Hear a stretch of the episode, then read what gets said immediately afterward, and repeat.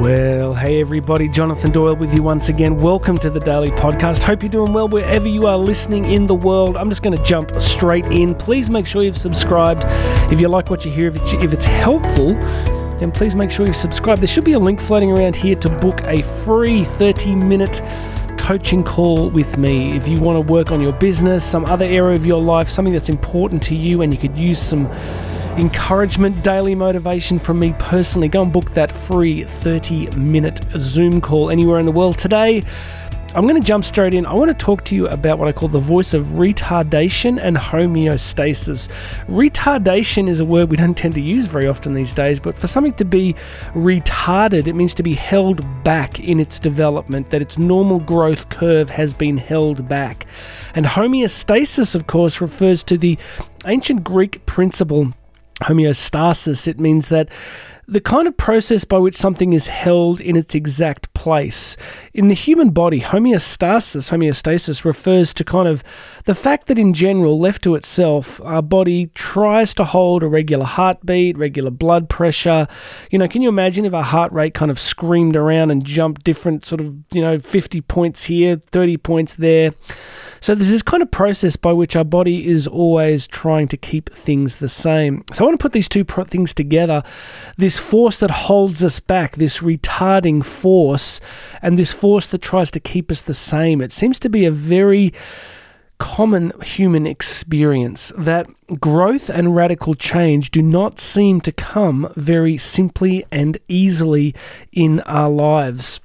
And I'm becoming aware that if you listen carefully to your inner dialogue, depending on your individual personality, I, am very clear that all of us have different personal psychology. Some of us are optimists, some of us are realists, but in general, we all have different psychology.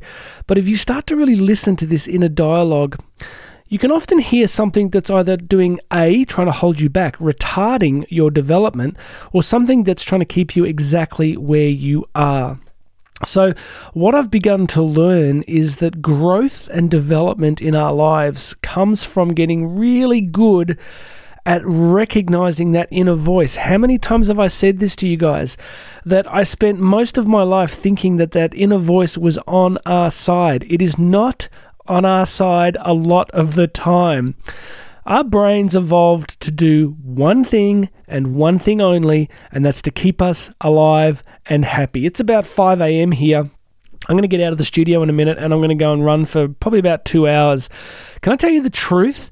The truth is that sometimes I really don't enjoy it. It's dark. It rained the whole yesterday. I think it's due to rain this morning. It's dark. It's probably raining. And, you know, I did a run the other day where two days before I'd run a half marathon. So I went out to do more. I went out to half marathons, 21K.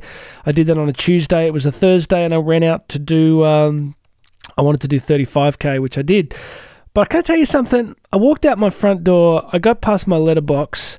I took literally the first step, and I was in pain pain on both sides of my body, running up through both legs, uh, through my pelvis, into my lower back. And what it was was inflammation. It was sort of inflammation from the previous day. So the very first step that I took was painful. The very last step that I took was painful. And I know some of you are listening going, Jonathan, this is abuse. This is terrible. Why do you do this to yourself? Your body's trying to send you a message. Yeah, your body's always trying to send you a message. Most of the time, the message that it's trying to send is get a bag of potato chips and go and watch Netflix. That's the message that our body and mind likes to send us most of the time. Why? because it's into self preservation. It's into homeostasis at best and it's into retardation at worst.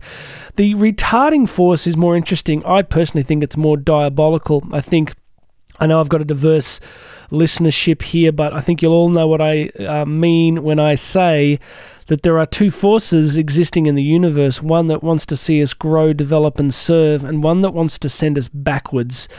And that voice plays out in our inner psyche, it plays out in our whole life journey.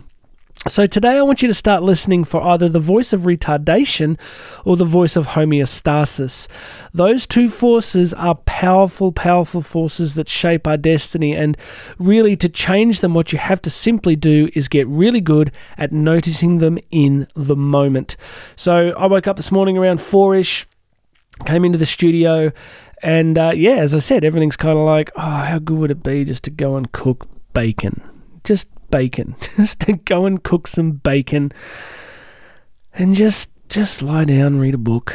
But it's not going to happen because I got one life and uh, there's a lot of good stuff to do, and I want to keep on top of these things and keep growing and developing so I can live fully. All right, my friends, that's it for me today. Get good at listening to that voice, do the opposite of what it says most of the time. And of course, there's always times for rest, recovery. There's times where you need a break. Totally do that. I do that myself. Recovery is a huge part of growth. But that's not what I'm getting at today. You know what I'm getting at. I'm getting at that other force that wants to hold you back and stop you growing and developing. All right, please make sure you're subscribed. Go and grab that free 30 minute coaching call. There should be a link on the podcast app uh, somewhere. If you, if you can't find it, just email me, jonathan at jonathandoyle.co.co. God bless everybody. My name is Jonathan Doyle. This has been the Daily Podcast. You and I are going to talk again tomorrow.